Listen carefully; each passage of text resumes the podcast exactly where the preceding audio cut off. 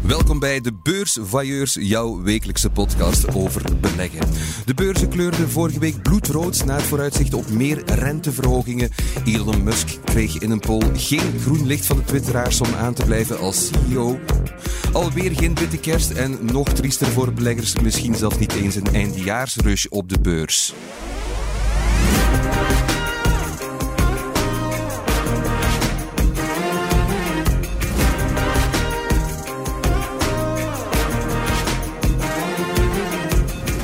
Kortom, een hoop miserie om mee te beginnen, eigenlijk, als ik het zo overschouw. Dat is uh, allemaal niet zo vrolijk. Tijd voor onze beursvailleurs om deze week kleur te bekennen of, of gewoon wat kleur te brengen. Dat zou ook al heel erg mooi zijn. Komt allemaal goed, want onze beursvailleurs rond de tafel zijn deze week Serge Mampai van De Tijd en Geert Smet van De Belegger.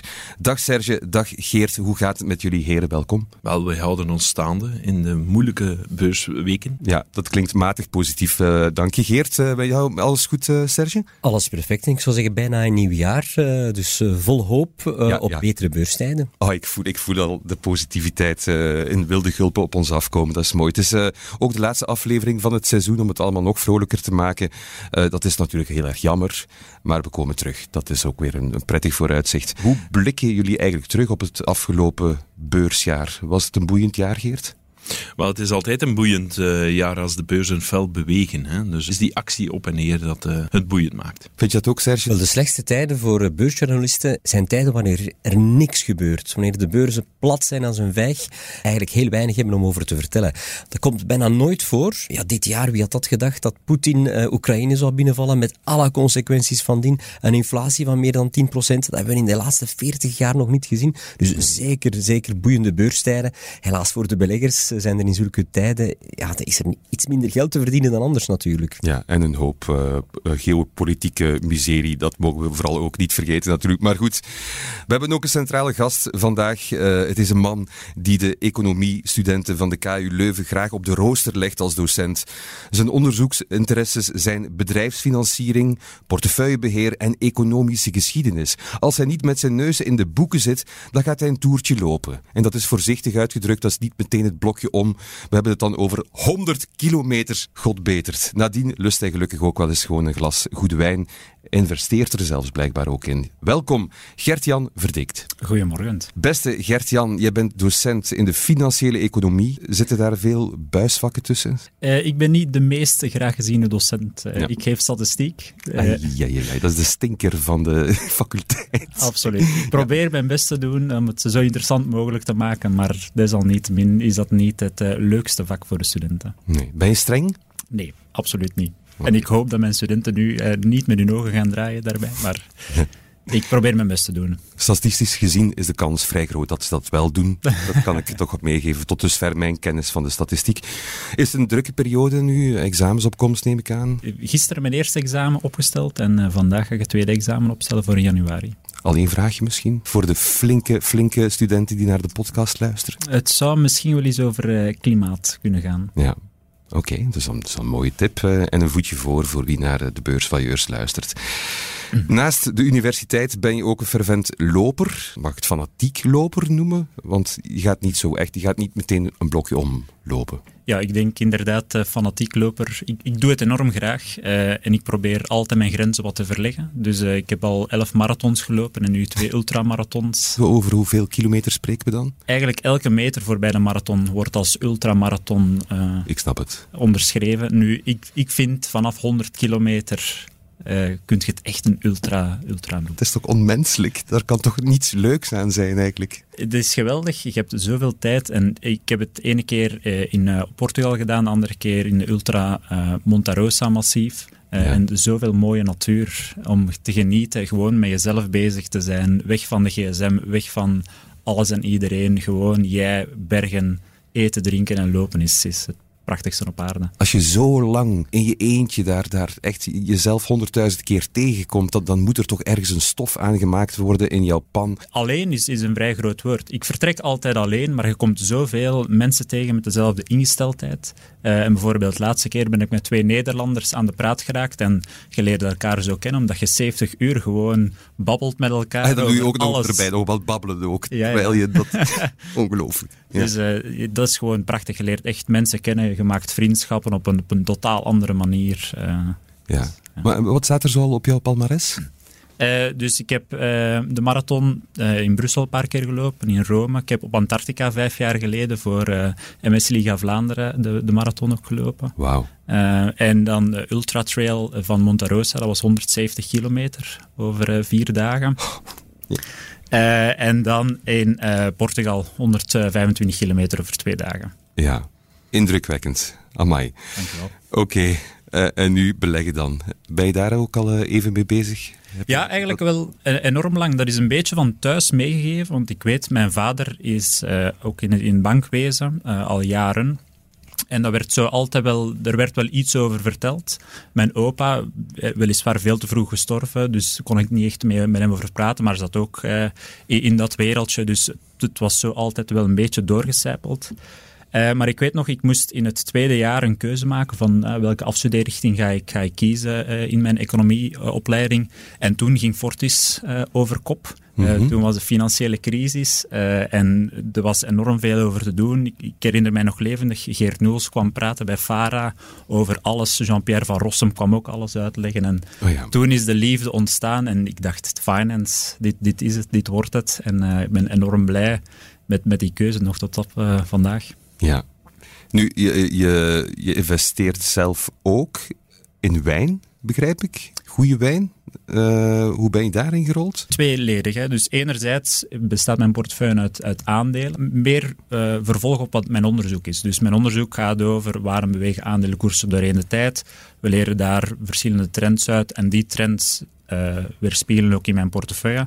Anderzijds heb ik altijd van, van wijn gehouden. Ik ben ook bezig met een wijnopleiding. En zo een beetje uh, ja, ingesukkeld. Uh. En een wijnopleiding doe je dan als, als, uh, om, om wijn te gaan verbouwen of, of om sommelier te zijn? Meer wijn gaan verbouwen. Dus de opleiding heet uh, WSET, Wine Spirits and Education Trust. en ik zit in het laatste niveau. Dus ik heb bijvoorbeeld vorige maand examen wijnproductie moeten doen. Dat is letterlijk van we planten de, de plant in de grond tot we maken de wijn en alles wat daarmee te maken heeft, alle chemie dat erbij komt uh, en zo. We hoorden nog eh, recent in het nieuws dat het weer een belachelijk warm jaar is geweest. Ja, dat is dan één voordeel, toch een, eh, een, geschikte plek om aan wijnverbouwen te doen. Nee, dat klopt. Ja, de climate change is, is enorm uh, een, een, hot topic uh, in, in de wijn. Nu, bijvoorbeeld Bourgogne was een heel warm jaar, maar op het juiste moment is er heel veel regen gevallen. Uh, en dat zie je bijvoorbeeld in de, de prijzen van, van wijn daar ook terug. Dat Bourgogne is by far het, het beste jaar, uh, of de beste regio. Die hebben plus 27% gedaan. En als ik bijvoorbeeld kijk naar de Bel 20, staat dat min 13%. Ja, ja. dus, uh, Bottom line, investeer in wijn als je ergens iets wil overhouden. Is wijn een goede belegging op lange termijn? Wijn lijkt een enorm goede belegging te zijn. Nu, er zijn wel verschillende problemen. in de zin van um, illiquiditeit. Als je een aandeel vandaag koopt, kan je dat morgen vrij gemakkelijk terugverkopen. Wijn iets moeilijker, gaat veel trager, via veilingen of via andere platformen. Wat gaat per, per fles dan? Per, meestal per zes of per twaalf flessen. Ja, ja. Tenzij dat we naar hè, de, de grotere huizen gaan, de Dominé, uh, Romanée, uh, Conti bijvoorbeeld. Dat zijn flessen van 30.000 euro, dat is op, op flesniveau. De ja, andere flessen waar, waar ik nu over spreek, is meer zo de 100, de 500 euro per fles. Je kan de liquiditeiten natuurlijk altijd opdrinken. ah, wel, dat, dat, dat kan zeker ook. Mooi, mooi, mooi, Serge. nu, het, het andere probleem, hè, wat, wat Serge terecht aanhaalt, is ja, een aandeel, dat uh, moet je niet ergens bewaren bewaren, uh, wijn wel. Dus daar komen ook wel extra kosten bij, bij kijken. En ook ja, verzekering uh, voor moest er een fles ja, kapot gaan bijvoorbeeld. Ja. Dus maar je, je, bent, je bent in bezit wel van een aantal heel exclusieve, bijzondere wijntjes die je goed bewaart. Ik zou zeker niet exclusief uh, noemen. De, er zijn goede wijnen bij, absoluut. Uh, maar die liggen niet in mijn wijn, wijnkoelkast. Die liggen Om te, in... voor, voor, te zorgen dat er een een of andere zatte avond per ongeluk opentrekt, neem ik aan. Ja, ik heb heel goede vrienden maar in, op dat vlak misschien niet de beste vrienden. Ik kan het me voorstellen. Een van jouw eh, onderzoeksthema's op de universiteit is portefeuillebeheer. Gert-Jan, pas je die inzichten ook altijd strikt toe op je eigen portefeuille of durf je ook al eens te zondigen? Nee, ik pas die wel enorm toe. Dus ik ben geen grote voorstander van actief uh, beheer, omdat ja, onderzoek toont al verschillende decennia of eeuwen aan dat dat niet echt werkt, lange termijn. dus ik ga ook mee naar het passief beheer. Dus ik laat uh, een bepaalde strategie gewoon uh, volgen. Uh, zonder echt te zeggen van ik ga bijvoorbeeld een Intel, ik ga bijvoorbeeld een KBC en AB InBev specifiek in, in mijn portefeuille steken. Dankjewel Gert-Jan. over naar de orde van de dag. Het beursnieuws, laten we daarmee beginnen. Laten we eens terugblikken op de voorbije week. De beursblik. Serge, laat maar horen. Ik ben benieuwd. Welk nieuwtje kunnen we uitpakken aan de kersttafel? Wel, ik heb uh, nieuws meegebracht van uh, Mitra. Dat is een uh, Luiks farmabedrijf en dat had beloofd om voor eind van het jaar, dus ja, we zijn bijna 2023, ze hadden beloofd om met een distributiepartner naar buiten te treden voor Donesta. Ja. Dat is naar eigen zeggen van Mitra een soort wondermiddel tegen alle kwaaltjes van de menopauze bij de vrouw. Nu, de tests die waren sinds bekendgemaakt begin 2022. Eh, Uitstekend. Uh, maar Mitra heeft natuurlijk niet ja, de middelen om dat product overal op het schap te gaan zetten, om dat product wereldwijd bij alle dokters te gaan promoten. Dus ze hadden een partner nodig om uh, Donesta uh, ja, aan de man of liever aan de vrouw te krijgen. Ja. Nu, uh, dat blind date spel is ten einde. Mitra heeft dinsdag voormiddag eindelijk met zijn lang verwachte partner naar buiten getreden. Eh, maar bij het uitpakken van dat kerstcadeautje voor de beleggers, uh, dat was verwacht, ja, viel de inhoud toch zwaar tegen. Uh, ten eerste, het gaat om Gideon Richter. Dat is een Hongaars bedrijf, uh, een middelgroot Hongaars bedrijf. En de markt had toch verwacht dat het een multinational zou zijn, genre Bayer of AbbVie of Johnson Johnson. Dus ten eerste Om in Amerika ook te kunnen. Ja, omdat die heel sterk staan. Die hebben duizenden, misschien tienduizenden doktersvertegenwoordigers, waardoor Donesta heel snel zeer veel zou kunnen verkopen. Hoe kleiner die partner is natuurlijk, hoe moeilijker dat wordt om uh, ja, die, die pillen aan de man te brengen. Um, nu, de deal is ook uh, alleen buiten de Verenigde Staten. Dus Mitra moet het nog doen met een regionale partner. We zoeken nog altijd een distributiepartner voor de cruciale markt, de VS. Want ongeveer 60, 65 procent van de verkoop zal in de States gebeuren. Ja. En we weten allemaal, geneesmiddelen in de Verenigde Staten kosten een pak meer dan hier in Europa of in Azië of zeker in Afrika. Dus het is de meest lucratieve markt. Daar wordt nog altijd een partner voor gezocht. En dan de opbrengsten, die vallen ook zwaar tegen. ING had bijvoorbeeld gedacht aan 500 miljoen euro voor een wereldwijde partner. Nu krijgen ze amper 55 miljoen. Dat kan oplopen naar 70 miljoen als er bepaalde mijlpalen uh, worden gehaald. Maar dus toch een zwaar tegenvallend cijfer uh, qua inkomsten. En dat betekent dus dat Mitra, dat heel zwaar cash verbrandt, nog op zoek moet naar andere bijkomende financiële middelen volgend jaar. Hmm. Uh, zij hebben dat dit jaar bijvoorbeeld gedaan met, ja, ik noem dat ASGIR-fondsen, uh, fondsen die wel uh, financiering toestaan, maar in ruil betaald worden met spotgoedkope aandelen. Dus het aantal aandelen stijgt al maar. En dat betekent natuurlijk dat er minder overblijft voor de kleine bestaande aandeelhouders. En het bedrijf, het aandelen, wordt dus eigenlijk minder waard. Ja, dat is uh, ontzettend zonde. En, is er nu uiteindelijk, ja, er is ook niet genoeg geld in kas om het, om het nog lang uit te zingen, lijkt dan. Maar ik denk het wel. Als je Mitra bekijkt nu, uh, dus die 50 of 55 miljoen euro die men gaat krijgen, uh, komen ze toe tot midden 2023. En wellicht dus op korte termijn is er geen probleem nu. En hebben ze dan wel voldoende middelen, of, of gaan ze voldoende middelen verzamelen door een nieuw contract af te sluiten voor een distributie in de Verenigde Staten. Dat, zoals zes jij, ongeveer goed is voor 60% van die een uh, afzetmarkt. Ja. Uh, als dat wordt afgesloten, zou dat een uh, mogelijke opbrengst kunnen zijn van 200 miljoen euro. Dat is inderdaad een pak lager. Analisten hadden voorspeld een half miljard tot, tot zelfs meer voor de Nesta. Dus de verwachtingswaarde moet daar naar beneden komen. De koersdoelen van de analist zwaar naar beneden aan het komen. Gisteren nog een koersdoelverlaging met meer dan de helft. wat logisch is, als je natuurlijk minder geld, uh, potentieel geld kan ophalen met Donesta, dat je dan ook minder waard wordt. Maar de afgelopen maanden is de koers van Mitra natuurlijk al flink gedaald. Hè. Dus meer dan 60, 70 procent uh, gedaald. Meer dan 80 procent uh, sinds nieuwjaar. We moeten natuurlijk ook nog afwachten. Uh, Donesta kan misschien een, een, goed middel zijn, maar dat betekent niet dat het een, een blockbuster wordt.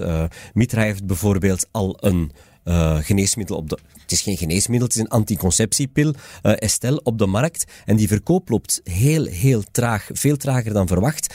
En we moeten ook nog afwachten. Ja, Donesta kan misschien een wondermiddel zijn, maar dat betekent nog niet dat de vrouwen uh, massaal het product gaan kopen en dat de dokters het massaal gaan voorschrijven. Hm. Dat is dus nog een grote onbekende. Dat is het grote probleem voor een klein Belgisch biotechbedrijf, dat je moet opboksen tegen de grotere spelers in die sector, zoals Bayer. Ja. ja die alle dokters uh, goed kennen. Uh, regelmatig komen daar verkopers uh, over de vloer van Bayer of van Apfi. Ja. En, Bayer werkt trouwens aan een concurrerend product voor Donesta, dat wellicht iets later op de markt zal komen, maar ze hebben natuurlijk een veel grotere slagkracht. Ja. Zit daar ergens dan toch een opportuniteit in? we hebben gisteren ook gezegd met de belegger van kijk, ja, het is niet meer het potentieel dat we ervan verwachten, maar u mag wel de aandelen aan deze koersen wel houden, omdat er voldoende financiële middelen zijn voor het eerste halfjaar van 2023. En daarna moet een mogelijke verkoopovereenkomst eh, voor de VS ja, extra middelen in het laadje brengen. Maar omdat dit gaat helpen om uh, Mitra eh, een duidelijke hogere waardering te geven, dat is nog koffiedik tegen. Bewijst natuurlijk het grote risico van beleggen in biotech. Een ander biotechbedrijf, Celiat Oncology bijvoorbeeld, die hebben deze week bekendgemaakt dat ze de stekker uit het allerlaatste onderzoek trekken. Ze gaan nu nog proberen hun technologie te verkopen aan de hoogst mogelijke bieder. Oei, ja. En dan stopt het ermee. Moeilijke, moeilijke sector, dat is duidelijk. Gert-Jan, heb jij ook aandelen van farmabedrijven die, die medisch onderzoek doen in je portefeuille zitten? Uh, nee. Om die reden dan waarschijnlijk ook. Oké, Geert, wat heb jij meegebracht voor ons? Wel, ik heb het opvallende nieuws uh, van Intel meegebracht. Die uh, zijn geplande uitbreiding van de fabriek in Maagden op hold zet. Ze zouden daar uh, eh, 17 miljard euro in investeren voor een uitbreiding van de productie. maar ja, dat is niet meer aan de orde, zegt Intel. Behalve wanneer de Duitse overheid enkele miljarden extra subsidies naar hen zou geven, dan overwegen ze toch wel nog wel uh, die uitbreiding te starten. Uh, dat was gepland voor midden 2023. Maar Intel zegt zelf, ja, de kosten eh, in Europa zijn opgelopen. zijn niet alleen hogere energiekosten, maar ook de, de uitbreidingskosten die, die lopen nu al op tot boven de 20 miljard, waar aanvankelijk 17 miljard was begroot. En dat verschil zou eigenlijk de Duitse overheid moeten bijpassen. Toch weer meer ruis dan op de lijn tussen VS en Europa? Ja, dat is zo. Hè. Dus we hebben uh, altijd een concurrentie. Uh, de meeste chips worden natuurlijk in Azië geproduceerd. In Taiwan uh, bijvoorbeeld staan mega chipfabrieken die, die dagelijks miljoenen chips produceren en die dan geëxporteerd worden naar de rest van de wereld. Maar we weten door het geopolitieke risico Rusland, China ja, wat gaat er gebeuren in de toekomst met China en Taiwan? Uh, niemand weet het. Dus de Verenigde Staten en Europa, ze hebben allebei plannen uh, opgesteld. Europa een heel groot plan. Ze willen naar uh, uh 20% van de wereldproductie van chips in, in dit oude continent doen. Mm -hmm. Ze hebben daar een plan voor het goedgekeurd van, van zelfs 43 miljard euro.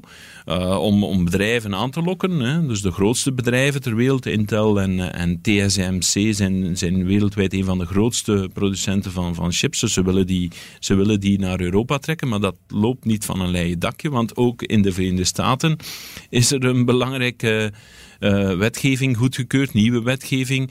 Uh, de, de Chip and Science Act die gaat zelfs uh, tot 53 miljard dollar ondersteunen. Dat is een beetje een opbod bezig ja. tussen beide continenten. En natuurlijk, ja, Intel heeft dat goed begrepen en speelt op die gevoeligheden. En waar ze natuurlijk het meeste voordeel kunnen doen, ja, daar, daar gaan ze naartoe. Ja, slecht nieuws voor Europa, slecht nieuws ook voor onze afhankelijkheid van die chips. Verwacht jij ondertussen dat er ook andere bedrijven het voorbeeld van Intel zullen volgen? Wel, we hebben gelukkig eigen uh, chipproducenten hier, het Duitse Infineon en het uh, Franse, Italiaanse ST Microelectronics uh, produceren hier in Europa al chips.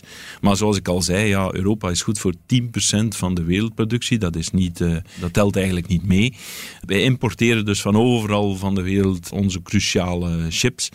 Maar Infineon en ST Micro die zullen wel een deel van die koek van 43 miljard die de Europese Unie heeft beschikbaar gesteld, ja, die zullen die, die wel nemen hoor. Uh, ik verwacht wel dat die hun, uh, hun, hun, plannen zullen doorzetten, maar bijvoorbeeld een TSMC, Taiwan Semiconductor, heeft nog niet gezegd we gaan in Europa investeren of zwaar in Europa investeren.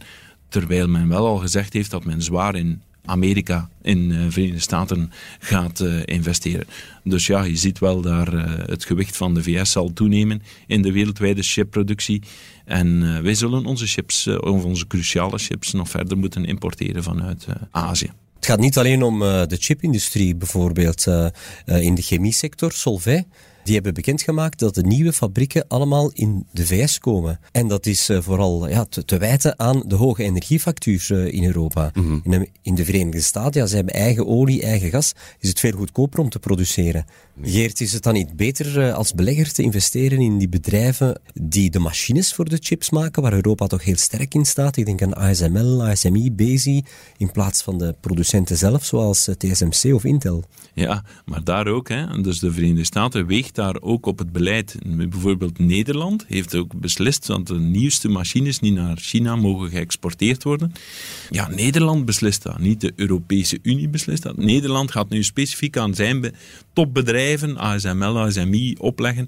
Ja, jij mag de nieuwste machines niet verschepen naar gelijk welke klant. De Verenigde Staten heeft aan Nederland gezegd, ja, je moet een exportverbod opleggen. Dus ja, dit zijn mooie bedrijven, maar ze worden eigenlijk ook onder de knoet gehouden door de, de sterke VS. En wie profiteert daar dan weer, weer, van? Dat zijn de Amerikaanse producenten van, uh, van machines, die oudere machines produceren, niet de nieuwste machines.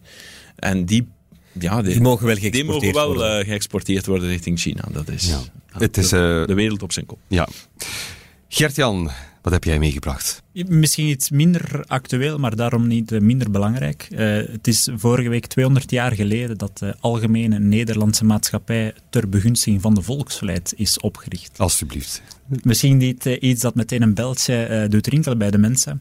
Zij het niet dat het een paar jaar later is omgevormd tot de Generale Maatschappij en dan 100 jaar later tot de Generale Bank en dan een beetje later Fortis en nu BNP Paribas Fortis is geworden. Voilà. En dat is een van, ik denk wel, de belangrijkste bedrijven geweest in onze Belgische economie. Het was de eerste universele bank ter wereld. Dus dat zowel commercieel bankieren als investmentbanking tezamen deed. Dat was uniek.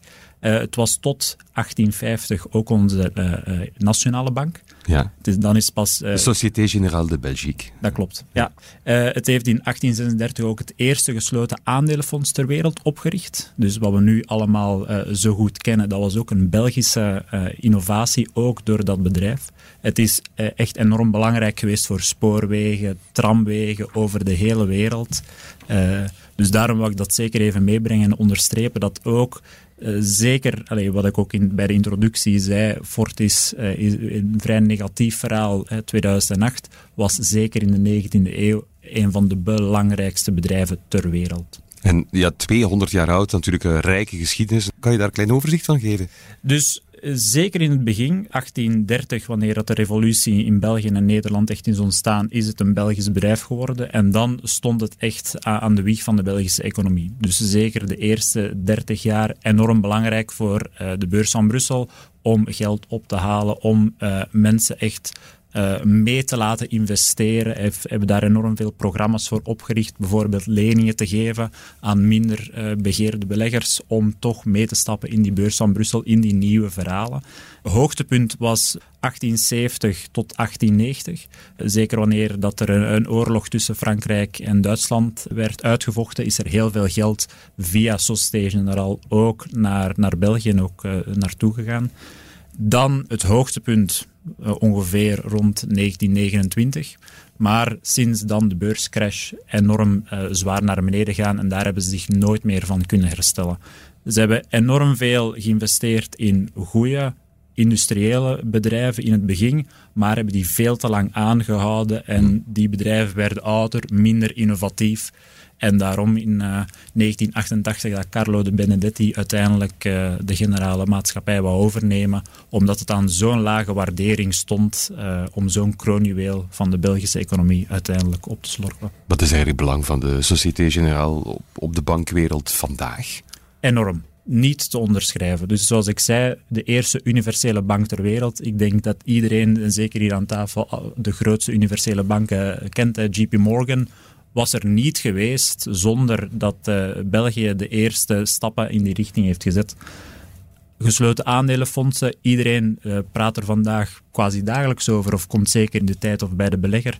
Belgische innovatie. Die zaken zijn enorm belangrijk geweest zeker in de 19e eeuw hebben uh, zij enorm veel tramlijnen in Rusland bijvoorbeeld kunnen leggen. Dus zo van die zaken zijn echt enorm belangrijk geweest om België op de kaart te zetten. Want België in de 19e eeuw was een van de belangrijkste economieën en beurzen ter wereld. Dus dat heeft België een enorme boost gegeven om echt te ontwikkelen als een belangrijk land in de wereldeconomie. Serge, hoe zie jij dat in toch ja, economisch onzekere tijden? Is het een mooi moment om die verjaardag te vieren?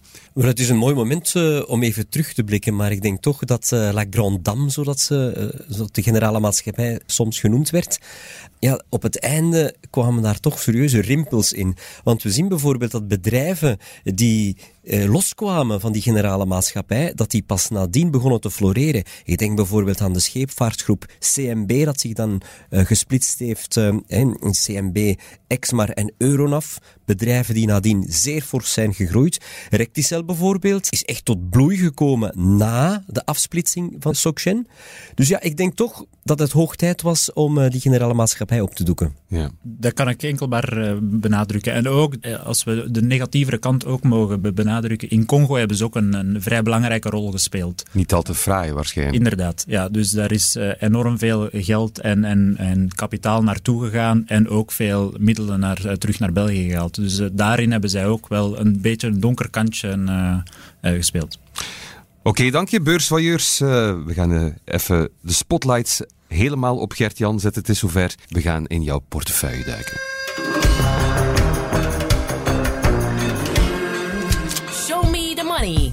Onze afschuwelijk indiscrete vragencomputer Wanda staat weer helemaal te popelen om onze gasten kleren van het lijf te vragen. Ze heeft twintig vragen klaarzitten. Gert-Jan, het is heel eenvoudig. Aan jou om een eh, cijfer van 1 tot en met 20 te kiezen. En dan rolt daar telkens een vraag uit. Ik ben heel erg benieuwd wat het wordt. Ben je er klaar voor? Zeker. Wanda ook. Kies maar een cijfer. Nummer 5. Wat was je slechtste belegging? Zeer goed al, als eerste vraag. we horen dadelijk het antwoord na dit. Docent in de financiële economie Gert-Jan Verdikt is bij ons de gast vandaag. En de eerste indiscrete vraag van Wanda luidt als volgt. Wat was je slechtste belegging, Gert-Jan? Ik ga de vraag een beetje omkeren. Want... Dat heeft ze niet graag, hè? ik zeg het maar. Hè? Ja, het is, Sorry, ik ken ze niet, hè? maar ik wil het niet meemaken, Gert-Jan. Dus omkeren, ja, enfin, het is jouw risico, doe maar. Ik heb twee grote beleggingen in mijn portefeuille. En alle twee zijn echt op de lange termijn. Dus ik kan nog niet echt spreken van een slechte belegging. Ik kan gewoon spreken van het moment dat ik ben ingestapt was een slecht moment. Dus ik zeg eigenlijk tegen al mijn studenten van het is best maandelijks spreiden om zowel hoog als laag te kopen, maar dat principe ben ik zelf niet gevolgd. Ik ben vorig jaar ingestapt eh, in mijn fonds en het heeft een vrij slecht beursjaar gehad. En mogen we weten welk fonds? Het fonds volgt de strategie en dat heet momentum. wil zeggen, we kopen die aandelen die het de laatste twaalf maanden vrij goed gedaan hebben en we verkopen die aandelen die het de laatste twaalf maanden vrij slecht gedaan hebben. Omdat de, eh, de studies tonen dat de afgelopen eeuwen die strategie ook het volgende jaar het altijd vrij goed blijft doen. Nu, het valt wel op van zodra je je eigen cursus vergeet, dan heb je prijs eigenlijk, hè? Uh, ja, nee. Zeker wanneer we, we gaan zien in zo'n situatie als, als dit jaar doet mijn fonds het wel nog altijd veel beter dan bijvoorbeeld de Bel 20. Ik sta op min 5%, uh, okay. Bel 20 min 13%. Dus ik doe het minder, ik verlies minder geld, uh, maar desalniettemin blijft het een rood cijfer in mijn portefeuille staan. Oké. Nog een cijfertje. 12. Wat is jouw strategie? Twee strategieën. Ik, ik, volg eigenlijk mijn eigen onderzoek. Mijn doctoraat ging over waarom bewegen aandelenkoersen doorheen de tijd. En nu gaat mijn onderzoek ook meer over assets in het algemeen. Dus daar komt dat wijnaspect ook eigenlijk uh, aan bod. Dus dat is mijn investmentstrategie eigenlijk. Meer het kwantitatieve, echt op uh, data gebaseerd. Dus momentum enerzijds en anderzijds meer uh, met de wijn als uh, diversificatie in mijn portefeuille. Want mijn wijnportefeuille heeft plus 13% gedaan dit jaar. Dus dat compenseert wel de min 5% van mijn momentumportefeuille. Oké, okay. en wat is de verhouding? Is dat 50-50? Het is 50-50, ja. Oké, okay, nog een vraagje? 15. Nummer 15. Hoeveel tijd besteed je aan beleggen? 24 op 24. Echt? Ik ben altijd bezig met de krant lezen, eh, met onderzoek lezen, met beter proberen te begrijpen waarom dat, uh, er bepaalde trends op de markt zijn. Dus dat is waar ik echt altijd mee bezig ben, van ochtends vroeg tot avonds laat. En word je daar niet bloednerveus van? Nee, absoluut niet. Nee, ik vind zeker wat, wat de beide heren ook gezegd hebben, enorm boeiende tijden. We kunnen teruggaan in de geschiedenis en gelijkaardige episodes ook bekijken om beter te begrijpen wat er eigenlijk gebeurt. Dus bijvoorbeeld, Rusland is helaas binnengevallen bij Oekraïne. Een van mijn papers ging over een gelijkaardige episode voor de Eerste Wereldoorlog wat eigenlijk uh, war risk, dus uh, de, het dreigement van oorlog en het uitbreiden van oorlog, van impact kan hebben op beleggers en ook op bedrijven. Dus die zaken, daar, daar ben ik dagdagelijks mee bezig. Ja, met je informeren, maar je bent niet het, heel het portefeuille aan het controleren. Nee, natuurlijk. absoluut niet. Nee, nee oké. Nee. Ja. Ik kijk te veel naar mijn portefeuille, want ik zeg tegen mijn studenten ook altijd, als je de volatiliteit van je portefeuille wilt verlagen, kijk gewoon veel minder naar je portefeuille. ja. Dus ik eh, ja, ben daar ook wel schuldig aan om veel, veel te kijken dagdagelijks Ja? en dan soms gelukkig te zijn, soms ongelukkig te zijn, maar ik blijf er wel van op. Minstens één keer per dag, eh, ik weet niet, misschien vaker. Eh, vaker. Ja, hoeveel? Ja, s ochtends, s middags en s avonds. Oké, drie keer. Ja, Dat is, Om toch een idee te hebben van, oké, ik zie eh, via de tijd of de belegger wat er eigenlijk speelt, hoe weertaalt zich dan in mijn portefeuille?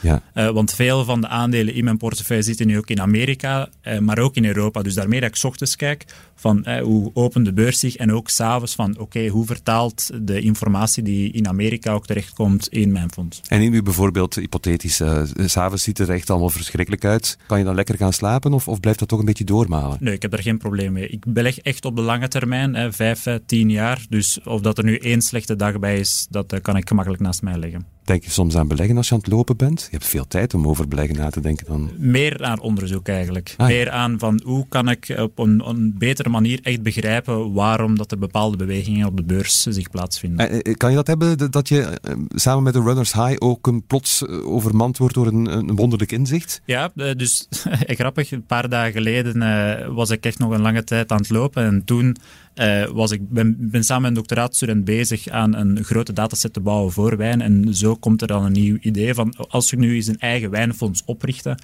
uh, ik ga een portefeuille maken van 5.000, uh, 10.000, 20.000 euro. Hoe kunnen we die portefeuille samenstellen? Gewoon een model laten lopen om te zien van wat is nu eigenlijk mijn rendement als ik nu eh, in 2000, 2001 was ingestapt, om zo dan te zien van waar, hoe bewegen die koersen eigenlijk op een meer illiquide markt. Wauw. Alleen maar voordelen aan lopen. Ik hoor het, ik wist het eigenlijk al, maar goed. Kom, nog één vraagje. Eén. Welke uitspraak van een iconisch belegger is jou het meest bijgebleven? Uh, dan ga ik eigenlijk terug naar mijn eerste baas, Tom Simons. Die zegt altijd: Never regret the money you made. dus wanneer je eigenlijk uh, je aandeel of je fonds verkoopt en je ziet het daarna stijgen, zijn mee, heel veel mensen van vrij ongelukkig van ha, had ik er maar in gezeten. Maar ja, de be beste belegger is de belegger die vorig jaar al informatie had van dit jaar. Ja. Dus daarmee, never regret the money you made. Als je geld verdiend hebt aan de beurs, koester dat, want het had ook de andere weg kunnen uitgaan. Bijzonder interessant allemaal, dankjewel. Gert-Jan, uh, je hebt het uh, goed overleefd, Wanda. Ik had niet anders verwacht natuurlijk. Tijd om een luisteraar te helpen. Hulplijn. Waarin wij uh, er zijn om u te helpen, beste luisteraar. En nu ook zelfs over de landsgrenzen heen. Dat stelt mij zeer tevreden. Onze beller van vandaag luistert naar de naam Frederik. Dag Frederik. Goeiedag. Frederik, wat is jouw vraag? Waarmee kunnen de beursvoyeurs jou helpen? Mijn vraag is, wat is jullie standpunt over edelmetalen als onderdeel van een gediversifieerde portefeuille? Ik vind persoonlijk dat er plaats is voor fysiek goud als brandverzekering en als een soort methode om uh, koopkracht te behouden op, op lange termijn. Hè. En dan zou dat eventueel een, uh, generatie kunnen overslaan, wat, wat mij betreft. En ook is er volgens mij plaats voor fysiek zilver, niet omwille van de monetaire waarde, maar wel als uh, schaars wordende grondstof. Mm -hmm. want volgens mij wordt zilver verbruikt in zonnepanelen en in batterijen, zonder dat dit gerecycleerd wordt. En een andere vraag aan het panel is uh, is er ook plaats voor palladium en platinum, ook fysiek. Ja, persoonlijk ben ik niet zo'n echte goudkever. Historisch blijkt dat goud in een portefeuille toch niet zo uitblinkt. Waar het wel goed voor is, hè, zoals al gezegd werd, goud is, ja, kan een perfecte vluchthaven zijn. Zeker in turbulente tijden. Hè. 2022 was toch een redelijk turbulent jaar met een eh, oorlog uh, dat we lang niet gezien hebben. Goud heeft ook zijn waarde bewezen. Ja, het is, goud gaat al duizenden en duizenden jaren mee. De Romeinen gebruikten het. het had waarde in Egypte, in he heel veel andere maatschappijen, bij de Azteken bijvoorbeeld. Dus ja, zeker goud als vluchtmunt. Ik kan erin komen dat heel veel beleggers daar naartoe stappen. Als vluchthaven was goud dit jaar zeker het overwegen waard. Ten tweede, goud presteert vaak goed in tijden van heel hoge inflatie. Uh, we hebben een inflatie van meer, dan 10 procent, uh, niet gezien in de laatste 40 jaar. Dus goud zou daar ook van moeten profiteren. Maar toch zien we die goudkoers uh, niet echt doorbreken. We hebben ja, een paar goede maanden gekend, maar als je het over het hele jaar bekijkt, toch niet zo schitterend. Uh, want er zijn ook elementen die tegen goud ingaan. Ja? Ten eerste bijvoorbeeld, ja, uh, goud concurreert met andere redelijk veilige beleggingsproducten. Ik denk in de eerste plaats aan staatsobligaties bijvoorbeeld. Amerikaanse staatsobligaties, die brengen nu ook 3,5 of 4 procent op. Ja, goud brengt niks op. Dus met dat staatspapier krijg je rendement dat goud niet kan geven. Ten tweede, goud noteert in Amerikaanse dollar. We hebben die Amerikaanse dollar sinds nieuwjaar voor zien stijgen. De laatste tijd uh, is die dollar een beetje terrein aan het verliezen. Maar toch sinds nieuwjaar noteert de Amerikaanse dollar fors hoger. Goud noteert in dollar, dus dat betekent dat goud duurder wordt voor niet-Amerikaanse beleggers. En we zien een perfecte correlatie vaak. Hoe hoger de dollarkoers, hoe lager de goudkoers. Dat zijn dus elementen die tegen goud uh, spreken. Dus ik zou er toch voorzichtig mee zijn. Misschien ja, voor 1 à 2 procent van de portefeuille, dat kan nooit kwaad natuurlijk. Dan zou ik ook opteren voor fysiek goud. Dat je zelf thuis of in een brandkast thuis of bij de bank uh, kan houden. Is Sok, altijd een ja. soort verzekering. Je kan er desnoods juwelen van laten maken. Ook heel mooi. Maar voor meer dan een paar procent zou ik het toch niet doen. Er was ook een vraag over zilver. Ja, wat met zilver inderdaad. Ja, zilver, ja, heeft toch veel minder monetaire status uh, dan goud. De goudkoers bijvoorbeeld is dit jaar ook ondersteund door extra aankopen door de centrale banken. We zien die centrale banken geen zilver kopen. Zilver is meer een industrieel metaal. Wordt trouwens ook gerecycleerd door een bedrijf als Umicore bijvoorbeeld. Die halen goud en zilver uit onze smartphones, mm -hmm. uh, uit uh, heel veel andere toepassingen. Goud is veel schaarser dan zilver. het is, ja, ik denk dat het wereldwijd, als we eens kijken naar de mijnproductie, dat het het redelijk makkelijker is om meer zilver naar boven te halen en dat het voor goud veel moeilijker is. Maar je had het ook over lange termijn. Hè? Er is ook veel nood aan zilver. Dus, uh, nou zilver heeft industriële toepassingen, absoluut. Maar dat betekent ook dat het veel conjunctuurgevoeliger is. Ja. Als we naar een economische dip gaan in 2023, ja, dan zal het zilver daar veel meer onder gaan lijden dan het goud. Ik wou daar ook even bevestigen wat Serge zegt. Hè. Dus er worden eigenlijk vaak drie zaken aangehaald wanneer het over goud gaat. Hè. Goud is een, een safe haven asset, dus wanneer dat de beurs doet, gaan we naar goud grijpen. Het is een hedge against inflation of tegen currencies. Nu, wat we zien, zeker over de laatste 50, 60 jaar, zijn er te weinig observaties wanneer dat de beurs daalt dat goud stijgt. Dus om het dan een, een grote positie in je portefeuille te geven om die reden, heb ik toch echt enorm mijn twijfels over wanneer we gewoon naar de data gaan kijken. Anderzijds, bij die inflatie, het klopt zeker wat Serge zegt, maar weer, als we langere, langere blik gaan nemen, kunnen we te weinig met de goudprijs inflatie gaan voorspellen. Als het inderdaad een hedge was tegen inflatie, zou er in de goudkoers meer informatie moeten zitten naar die inflatie toe. Dus ook daar heb ik wel mijn, mijn sterke twijfels dat het echt zo'n belangrijke positie kan innemen in uw portefeuille, dat het goed zou doen in meer donkere tijden. Ja, wat met uh, andere edelmetalen, platina, palladium? Wel, platina en palladium zijn nog meer conjunctuurgevoelig. Hè? Dus die worden uh, vooral ingezet uh, voor, in, in auto's, in de autosector. En die is per, per definitie echt, echt conjunctuurgevoelig. Nu, ja, die, die prijzen uh, van palladium en uh, platinum waren in het begin van dit jaar uh, fors de hoogte in, omdat Rusland goed is voor ongeveer 40% van de, van de productie. Hè. Mm. Dus ja, dan als je 40% van de productie op één klap van de ene dag op de andere op hold zet, omdat dat geopolitiek niet meer kan, dan is er natuurlijk wel een forse koersbeweging uh, bezig. Maar wat zien we recent? Dat die prijzen gewoon gehalveerd zijn uh, tegen, uh, tegen het eind van, van, van het jaar. En dat is omdat in 2023 er een, een conjunctuurvertraging of een recessieopkomst is die dan de vraag naar die edele metalen zal afnemen. Dus de, de timing, wanneer je zo in een edelmetaal stapt, ja, is, is cruciaal. En ik weet wel, hè, palladium en platinum, dat zal dan uh, gebruikt worden in uh, toekomst ook, ook in batterijen, in herlaadbare batterijen. Dus de toekomst ziet daar wel min of meer uh, goed uit. Maar anderzijds ja, gaat er ook minder gebruikt worden in auto's, want elektrische auto's hebben, hebben dan veel minder palladium nodig. Een ander verhaal is, je kan ook inspelen via trekkers uh, of de koersevolutie uh, van deze edele metalen. Maar daar moet je dan wel opletten welke trekker je koopt. En zeker voor, voor Belgen uh, is dat belangrijk. Want meestal zit dan in een trekker rond palladium of koper of, of, uh, of platinum, ja, zitten daar een pak staatsobligaties in. En dan uh, hebben, heeft de Belgische overheid daar ooit eens uh, over beslist dat dat daar de Reinderstaks 30% ja, wordt afgehouden op de meerwaarde. Dus als je dan in die trekkers stapt ja, dan, en je hebt dan al eens meerwaarde gerealiseerd en je wilt dat ook dan verzilveren, hè, dan, dan gaat er dan nog eens een, extra deel uh, richting, richting de staat. Dus daarom belangrijke nuance tussen fysiek en ook in die, die trekkers stappen. Oké, Frederik, het was een enorm overzicht van, van alles wat je over edelmetalen ooit zou willen weten, denk ik. Uh, ben je tevreden met het antwoord?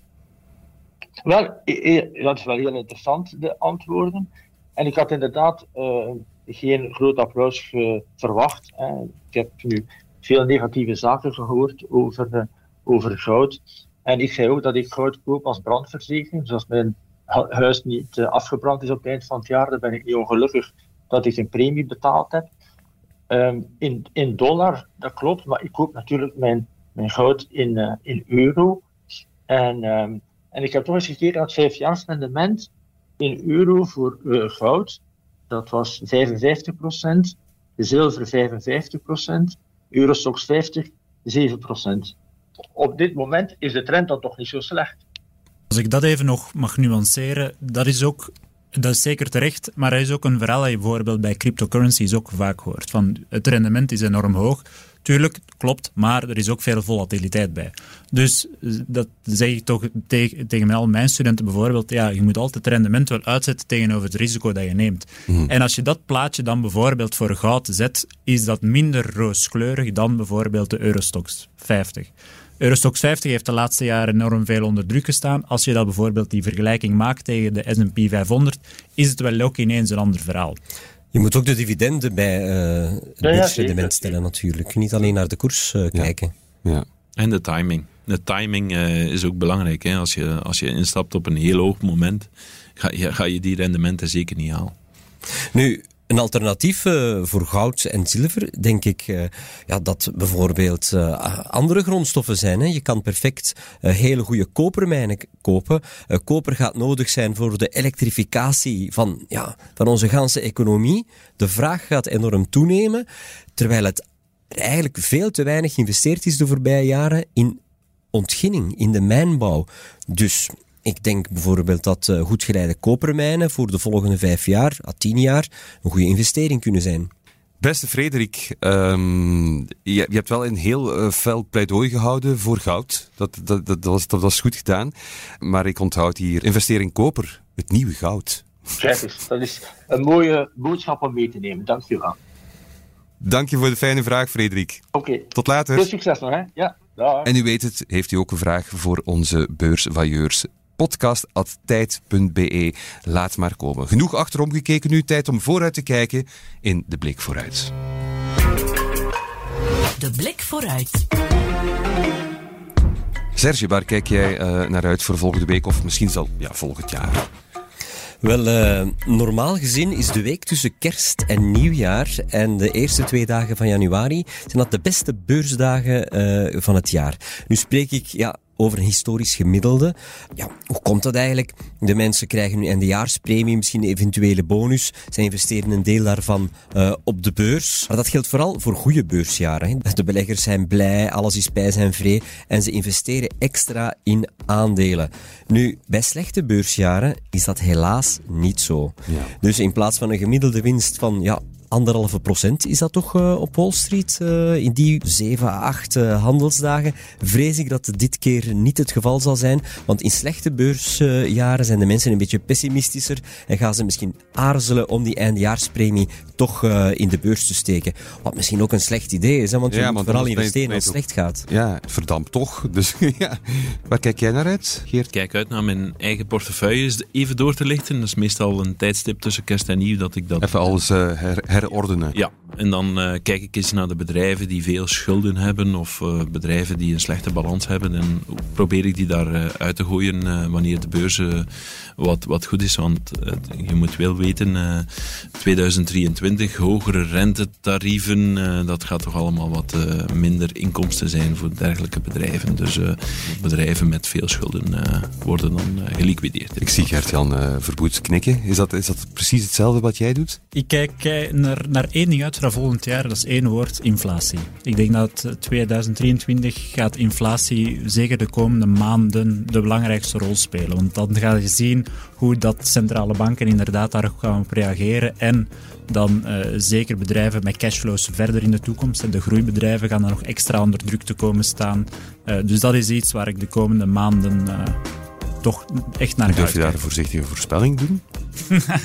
nee, het is altijd uh, vrij moeilijk. En, en, zeker dit jaar hebben we ook gezien dat uh, de, de economieën proberen enorm, uh, de, de overheden proberen enorm veel doen om die inflatie naar beneden te halen. Maar ja, hoe gaat het Russisch verhaal verder evolueren? Dat heeft enorme druk ook op de prijzen hier, wat inflatie ook weer hoger brengt. Dat gekoppeld aan een vrij sterke jobmarkt in Amerika is een vrij moeilijk uh, parcours voor de Federal Reserve om echt iets Spannende te tijden en het blijft spannend. Eén ding is zeker, deze aflevering zit erop. Het was meteen de laatste van dit seizoen.